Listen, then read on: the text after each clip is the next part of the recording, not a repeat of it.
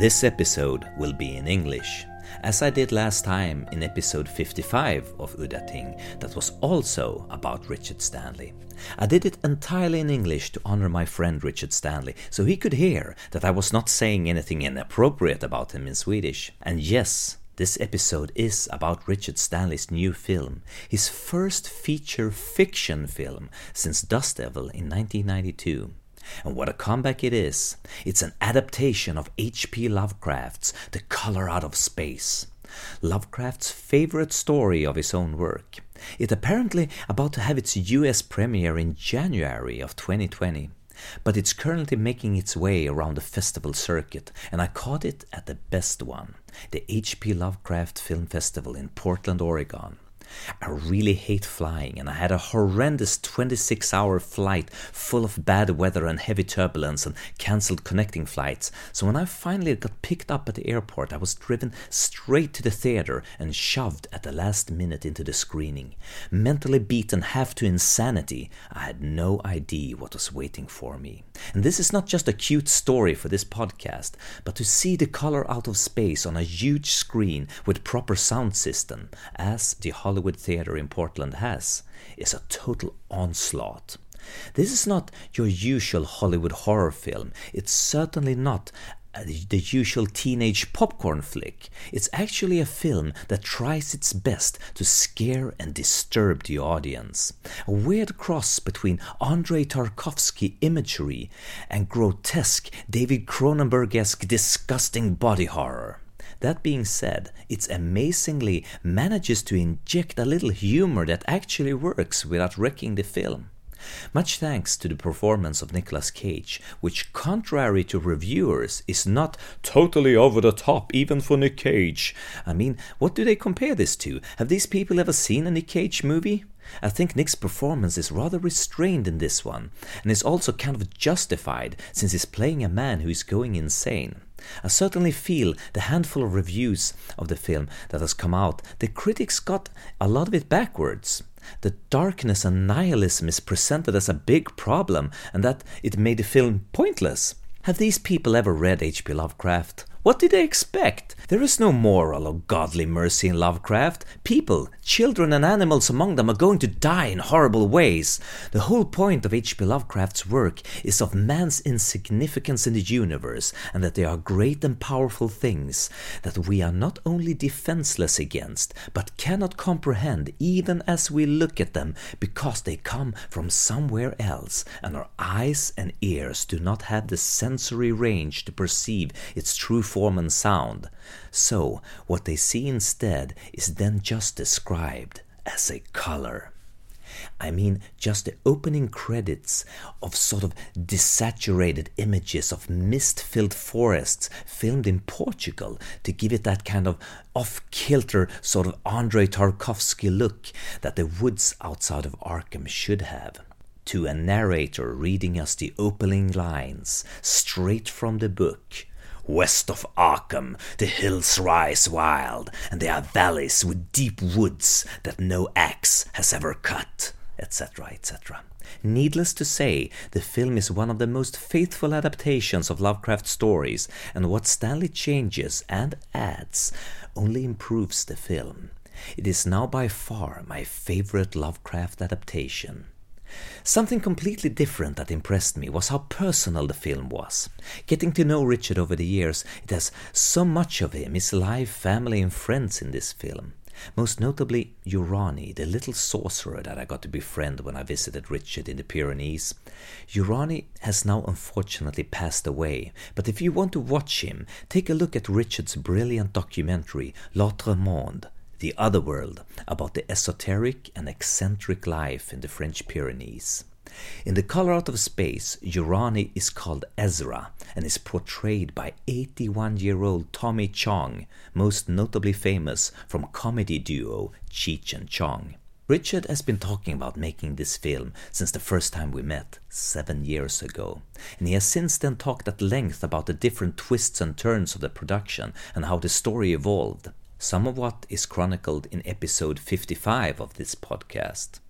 The last time I visited Richard in the Pyrenees, the two of us, along with sorcerer Urani, my girlfriend, and a bunch of other people, performed a rather long and elaborate ritual to Yog Sothoth, the Lovecraftian god, to ask the Dark God for help in getting the film made.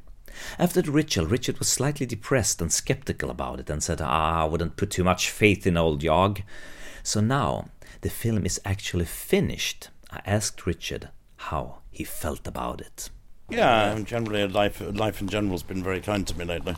Um, it's, I've got no real complaints. You deserve I've, it. I've got just little tiny little complaints that still that still nag me. I worry about my DCP and uh, audio levels and things, but otherwise everything else in my life is pretty much hunky dory. Sounds pretty good. Yeah, uh, that doesn't seem really fair given um, why that I've made so many chaotic left of field decisions in order to get to this point. you deserve it. I mean, you had a few hard years, so you deserved it. Yeah, I last mean, year was a stinker. Yeah, well, you know, I actually I, would given up on color. I didn't think you were finally going to make it. Yeah, I'd almost given up on life. I thought we were going to get obliterated. It was looking really, really bad last year. Um, Could you talk about the turning point? What was the turning point? Um, that that was hard to pinpoint. I mean, you could say the turning point was um, when um, maybe when Urani did the ritual years ago, but we didn't perceive it as that at the time as yeah. a turning point. None of us realized the film would get made and Urani was going to die. That was um, that didn't occur to us when the, the thing happened. When we did a Yog Sothoth. That's right. Yeah, yeah. that could have been the turning point, but we failed to apprehend that it was. If, if it was a turning point, I re- strictly remember you saying that. I said, uh, "I think it's going to work out," and said, "I want to keep my faith in old Yog." Something along those lines. Mm. Mm, that did go down that way.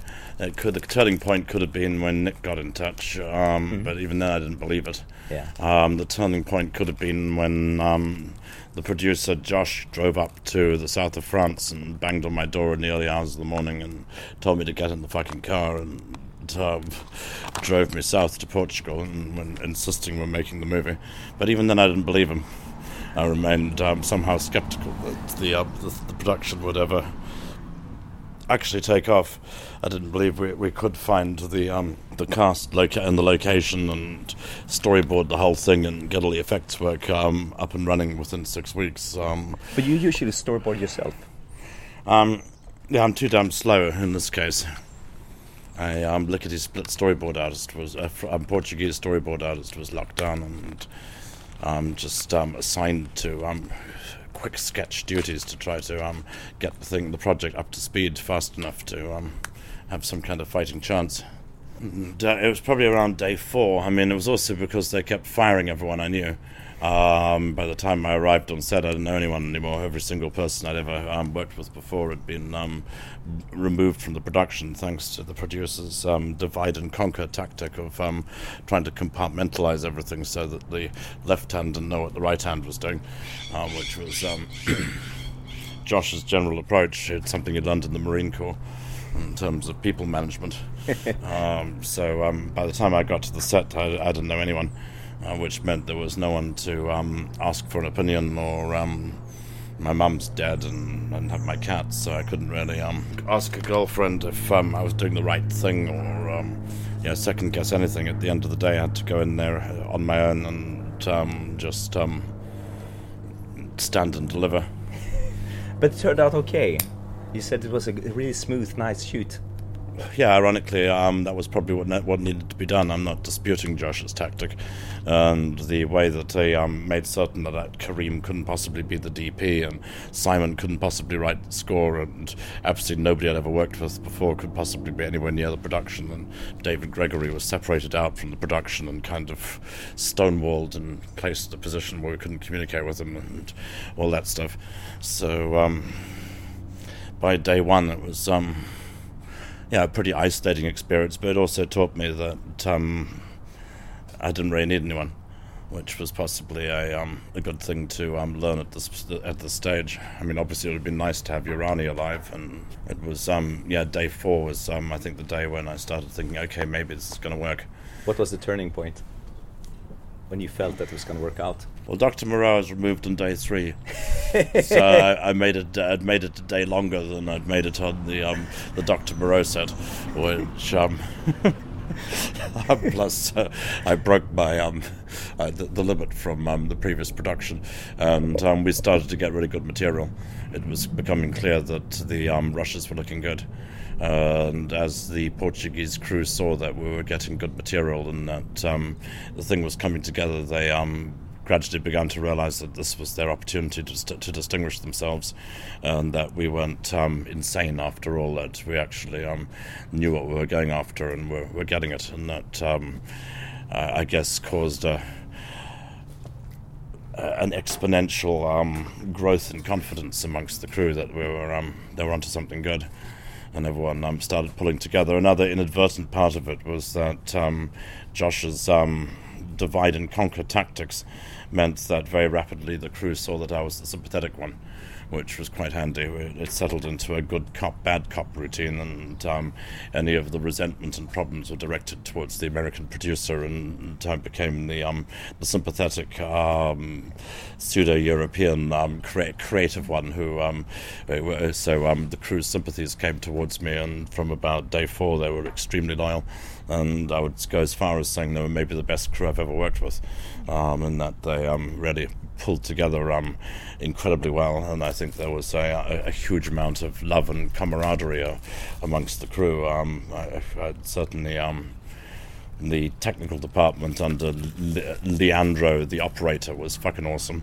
Leandro was this giant of a Portuguese camera operator who looked like he'd come from Game of Thrones and wielded a Steadicam like it was a warhammer.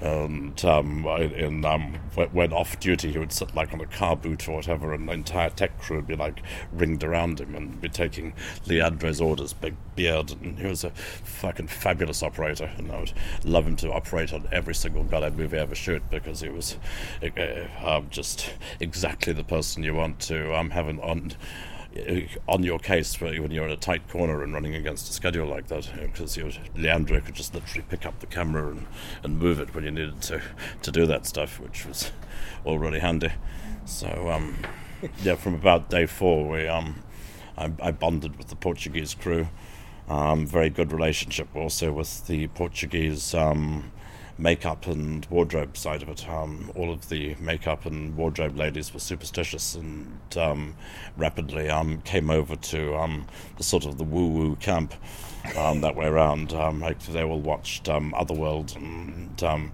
went out of their way to find like Masonic regalia for Chong and to get Liv Rainey Smith T-shirts for um, for Lavinia. And um, I think they all they all started to realize what we were doing, and, and they they started enjoying the experience and also enjoying the culture that they were investigating. So I don't think they've ever had to work on a production like that before. And, um, I think it went from a point when they were initially thinking, "What is this weirdness?"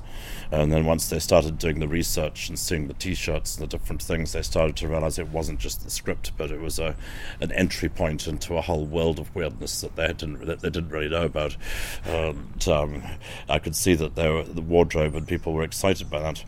And our main we'd borrowed our main prosthetic makeups ladies from Game of Thrones. Um, wow. The um, the special effects are particularly amazing, especially the spider, the tarantula creature. So, uh, were you involved in that, or did that just arrive on set because you they were so stressed? Did you see anything of this take shape?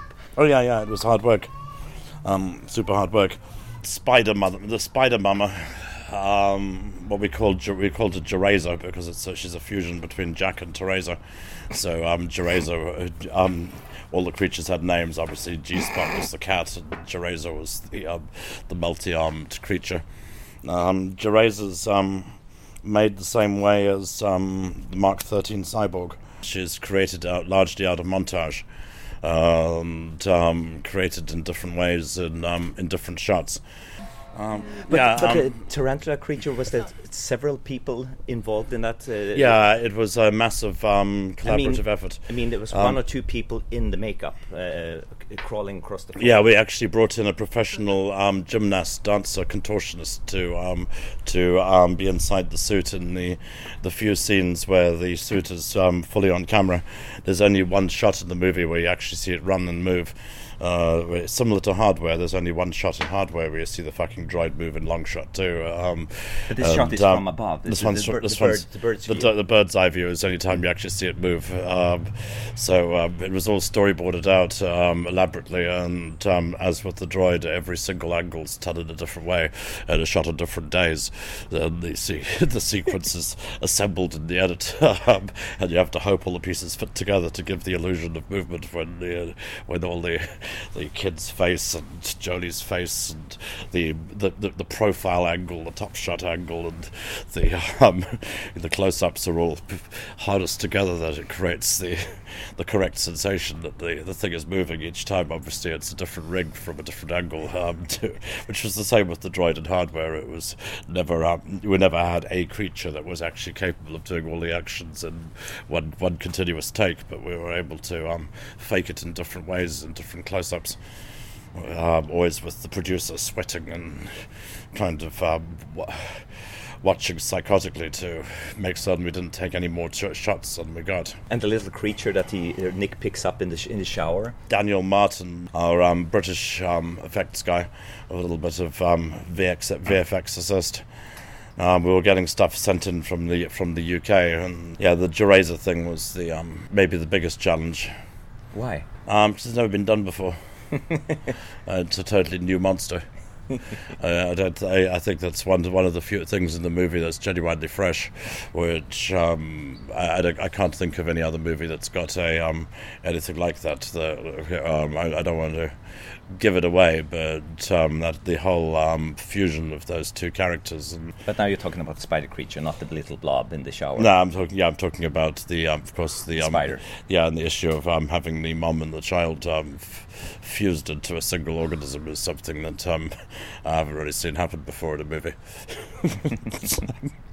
the, the, scenes with the alpacas fused together was that that seems like the biggest elaborate special effect. Was it life size? Was it a small model? It was a scale model.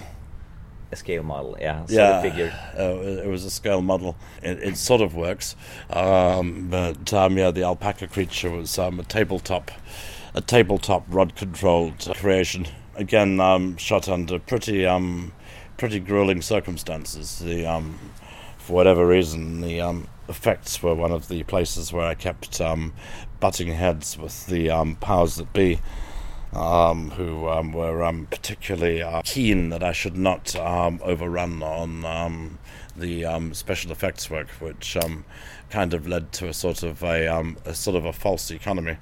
It meant that whenever we had a particularly big special effects setup, the tension levels in the set were always ratcheted up because, like, everyone was like watching to make certain that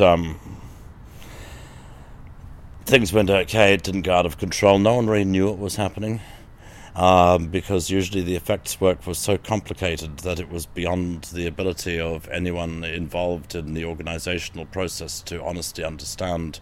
Uh, what the fuck it was we were doing, which was the um, the same problem we had on Doctor Moreau. And this time, folk were a little bit more tolerant in that I was allowed to do it, but you could still see that they didn't really like the fact that we were doing it, uh, were were, were um, not really believing in it there was a kind of a like, okay, you go ahead, but you know, you know, if you don't have it in the can within 20 minutes, we're pulling the plug. There was always kind of a um, a, a kind of a hostile vibe when it when it came to the big special effects setups, and you'd get something like Jodie hanging onto the kid and um, then the monster's supposed to come, and instead, like um, somebody covered with like um, black velvet uh, um, in a sort of ninja suit would come out with a, a black stick and with a, a, some kind of magic lantern hanging on the end of the stick, and they'd move the stick around and move the light slowly around Joely so that we could get some light moving on the grass and on the trees for when the the VFX thing would be matted in, and the person, the people in the black velvet would be would be matted out. But you could see the rest of the folk looking looking at the strange, on, ongoing performance art piece and just not having the the blindest fucking sense of what we were doing. And then like um, Joachim, the VFX guy, would say, "Okay, hold it a moment." He'd, he'd run in and like take some measurements, and then can I put like a colored dot there? Okay, good. Uh, so um, that stuff was impenetrable to the the producers. The um, the way that the physical effects and the VFX um, interfaced. The um, the VFX supervisor understood what was going on. I, va- I vaguely understood what was going on. The storyboard guy did, but um, the producers no. So um, the two biggest effect setups: the alpaca um, tabletop monster and the thing coming out of the well, the um, the big um, climatic color out of space um, exits the well scene. Both of those were the situation was so tense that um, I had each time one shot, one setup. And um, in the case of the thing coming out of the well, one take. Uh, it was uh, it, it, was that tense. It was like okay, you can you, know, you can do this, but you know, what, you know, one setup only, and if you don't get the first take, we're pulling it. Um, so it was that was quite tense, and certainly with the the bit where Lavinia is um, uh, assimilated into the color and the thing comes out of the well. That that, that particular take uh, with the the pan up into the um, the, into the the the, the sort of tunnel between worlds um, that had to be uh, um, it had to be right at the first take. Had, we had one take to get it right, and I didn't have an opportunity to um, to, to go again or to um, tweak it, tweak any of the elements. And producers were like literally like glaring at us, and it was like um, probably the most the single most complicated um, VFX setup I've ever done in my life and yeah, very very conscious. I was super pissed with them. we got the take in the can, the thing was wrapped, and then we got in the car, and like um, the guy driving the car, "Oh, you guys wrapped early tonight." So what do you mean we wrapped early tonight? It's like, well, we still got half an hour. we still got half an hour. We could have done it like three more times. um, instead, it was like, no, you've got to do it now, one take, and we're pulling the setup. And there was this, always this intense pressure over the, um, the special effects stuff. Um, same with the alpacas. I think under the circumstances, we got we we got all the right elements. Each time, I was just praying that um, that it was all there, that there'd be no hitch in the in, in the in the pan, that all those all those because they're all shot separately, like. Um, Lavinia and um, Ward are shot in one pass. The um, the lights and the trees are shot in another pass, and um, the whole then everything is packed together into um, into one composite frame with the color and the humans and the, the well and so um, yeah that, that was uh, some some hairy stuff. I had my Portuguese storyboard artist and my my Spanish um, VFX coordinator were, were my um, m- main allies and the only people who were yeah, fully aware of what we're trying to do at those times. How you uh, prepared uh, Tommy Chong to become Urani? Well, Tommy had the um, extraordinary luxury of having the other world to fall back on. That fortunately we shot the other world, and um, I'm very grateful that film was made now because it provides a, a lasting document of um, what Urani was actually like. I mean, you know, I just thank the dark gods that that, that all happened and um, as a result, Tommy was able to um, see the real thing, and um, it was a pretty it was a pretty good fit for Urani. He's a much bigger man, of course. Tommy's a, a big guy, and Urani's a little guy, but. Um, it's the movies. You don't think about that. Yeah, that, that size looks fairly short in the film. Yeah, he sort of crouches mm. down as he as he comes out of the house. So, how was that shot? The last scene when he is destroyed by the collar. Well, it was one of the last things we shot in the movie. The the um, the Chong um, plot lines partially there because we had four weeks of Nick Cage, mm-hmm. and then we had Nick. When, then we had to release Nick, mm-hmm. so we had enough shooting of Nick Cage to maybe make an hour-long movie, mm-hmm. but um, we needed to have. Um, a, a, a, subplot or other material which mm. um, to um, to work around it. So they need so um, the um, the scenes with Ezra and Ward were shot in the um, in the two weeks without Nick. And um, it's just a bit of a shame because I'd love to have had a scene where we could have had Nick Cage and Chong in the same sequence. But um, it was still a, a good thing to do. It was the very last thing. And I was also very conscious of the fact that it was the death of Chong. And Tommy being um, like 86 years old um, means that I do wonder whether how many more chances you'll have at um, getting roles in movies. And I was keen to make certain he had a um, as spectacular and as um, terrifying a send off as possible. Yeah definitely. It's the most creepy scene in the film by far, I think. The death of Chong. Yeah, so much feeds into that with Urani and so many other things that I'm glad that it's that it, it finally arrives at a, a suitably a, a, suitably chilling ending for the for that plot thread. I just have to say, this is by far your most personal film because there's so many personal elements from your life in that film. With the, yeah, not particularly the cat, but the cassoulet and and the Urani char- the Urani character. Well, yeah. they're all kind of personal. It's just that the other ones are such a long time ago that um, those wounds are largely healed now. they, they, seem less personal because they're um, dealing with things I don't really care about anymore, or which are um, yeah, decades and decades in the past now. I mean, Dust Devil was reflecting strongly on growing up in South Africa and a lot of the, the crap that happened to me before I turned 16. Yeah, it's such a long time ago, it feels like it happened to someone else now. Whereas um, Colours dealing with um, more recent traumas, notably the um, hideous cancer death of my mum. Uh, must have took a, a, lot of effort to, to build the whole environment with the flowers and everything that happens to the house and the environment. No, we only had six weeks um, pre-production, yeah. so um, there was no real long before. But I used the same um, logic as I used on, on Dr. Moreau. This time, fortunately, it worked out, which was to go somewhere super remote and inaccessible to um, the powers that be. In this case, deep in the forests of central Portugal.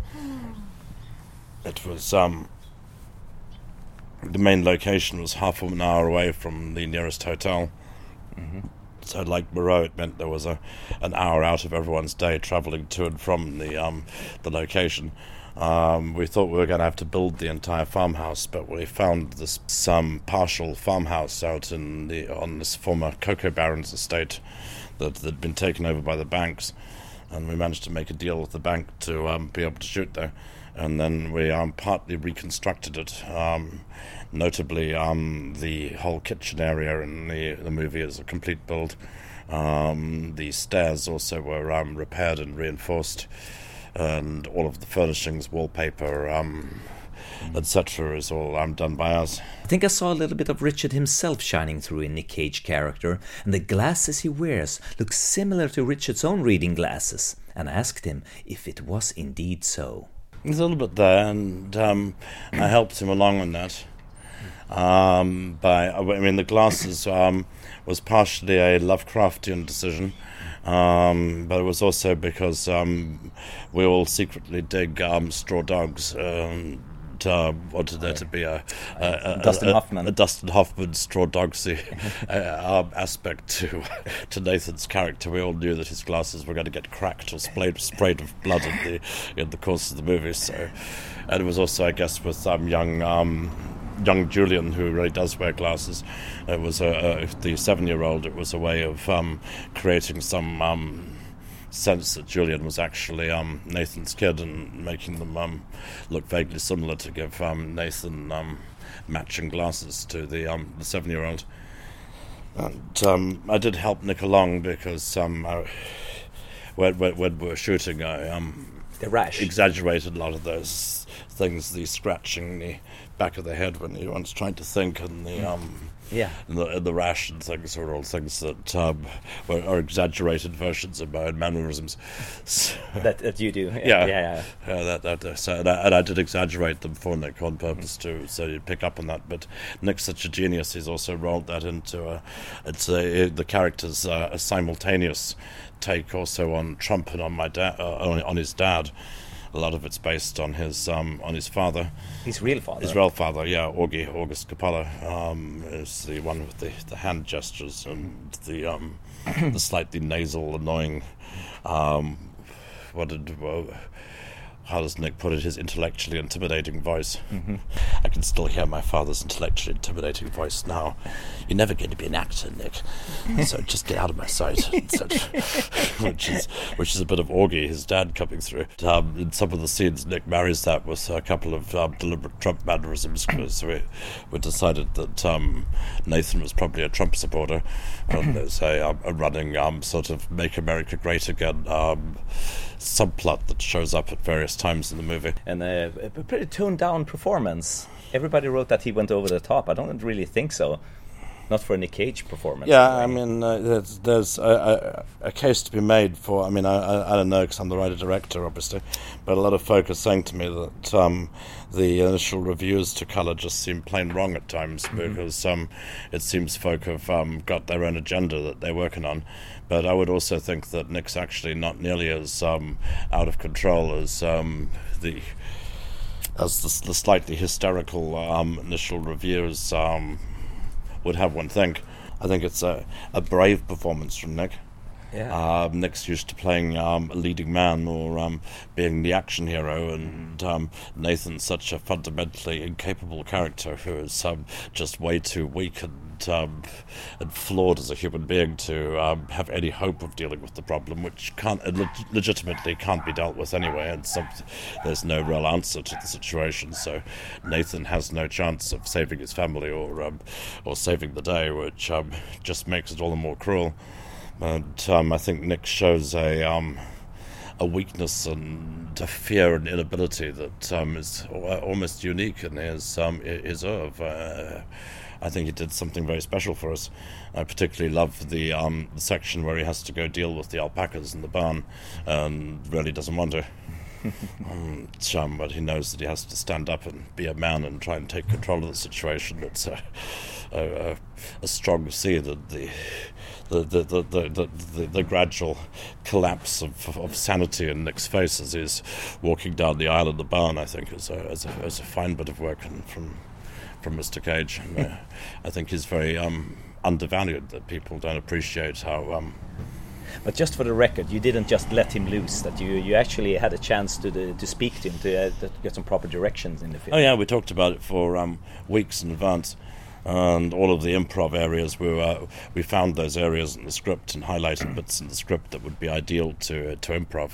So we knew where we were going in advance, and it was that we would do this according to the book, and then here was a bit where we could play with, and then we'd do this according to the book, etc. So we um, yeah, we, all that was yeah not not unexpected. It's also um, in the material that's in the movie. But the, and another giveaway on that is all the all the freak out scenes are, of course, um, very nicely covered in the movie. They're um, they're usually covered in several angles, and that's also a giveaway that um, they're not unplanned. That they've happened. Um, with the, we've always placed the camera in an op- opportune position to capture whatever was hap- hap- coming next, like the freak out in the car or the um, the tomato scene. Uh, we're all um, we're all pre-planned. The sound design is amazing. Were you involved in the sound design of the film? Was the sound when you talked uh, early on in 2012 or 2013? You told me a lot in detail about the sound design you had planned. Yeah, I still don't think it goes far enough, but I think it's um, uh, yeah, we certainly pushed everyone. It was a Portuguese um, sound mix. It was in a Portuguese a Lisbon sound studio, and I think it was utterly unlike anything else that had ever hit that sound studio. So um, we it was a learning, a steep learning curve for um, for everyone involved because they were doing stuff which they had they'd surely never done before and pushing into um, all kinds of um, strange and legal areas of um, things being too high pitched or too low pitched and um, deliberately trying to create a. Um, Is there anything concrete to be said about the, the creation of the sound design that you could mention? Probably the hardest thing was coming up with the sounds of the alpacas in pain and fear um, because it's just impossible to do that. Uh, alpacas are such calm, uh, friendly, um, unflappable animals um, trying to get a recording of a screaming alpaca was very hard. There, there, there aren't any out there. The fact that we're dealing with an animal that hasn't ever been in movies before, really, uh, means there's not a huge audio library of stampeding alpacas and like um, alpaca sound effects online or on file that one can dial in for this kind of thing.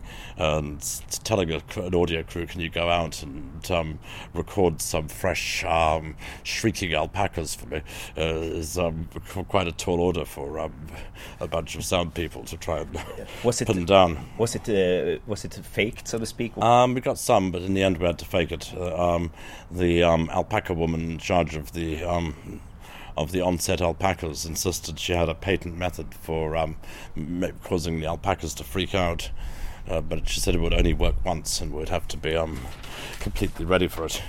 Uh, um, so we set up with all the, the mics, had all the alpacas there, and the alpaca lady and her her assistant arrived, and they'd blown up a whole bunch of party balloons. And they like made certain we're all completely ready and rolling, and then they um, on cue um, let the air out of the balloons, and she was quite a large lady and her assistant, and they went pulled the balloon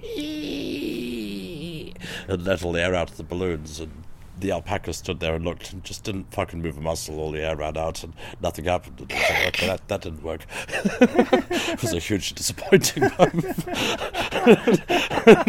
An utterly bizarre, point, pointless moment where once again the alpaca lady was clearly wrong and they didn't react in, in any way at all to the, the, sound made by the balloons. So we tried waving some sticks at them instead and go, wah, wah, and the alpacas kind of, wah, wah, wah. And kind of once again failed to react. So um, I, I, think what you're hearing in the movie is like a goat screaming and some other sound effects slowed down. We had to manufacture the the tortured alpaca sounds because, of course, we're all um, very animal friendly people, and none of us were um, keen on actually having to genuinely torture an alpaca to to get a an alarmed sound effect out of it. that was probably yeah the, the the tallest and the most difficult order in the uh, uh, in the whole movie was to the scream of the alpaca. well, yeah. yeah.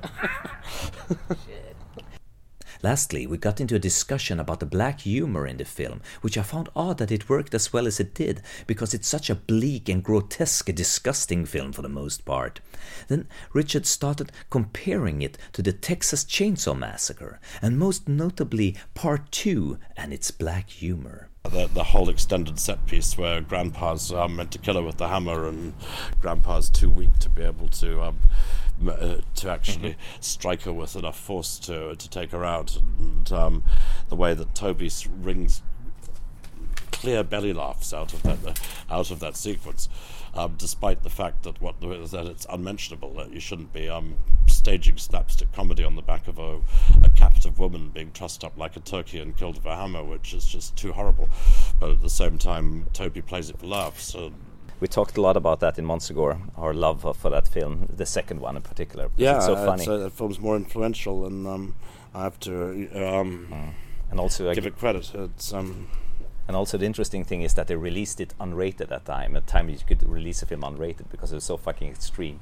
I think that's that, that's what what color's closest to. Mm. It's some, somewhere and it belongs in that same shelf as um, Chainsaw 2 and yeah, Bubba Ho-Tep and um, John dies at the end. It's one of those kind of movies which. That's it. The episode has come to an end, and remember to try to see The Color of the Space on the big screen with good sound, because it is a film that was made for the cinema.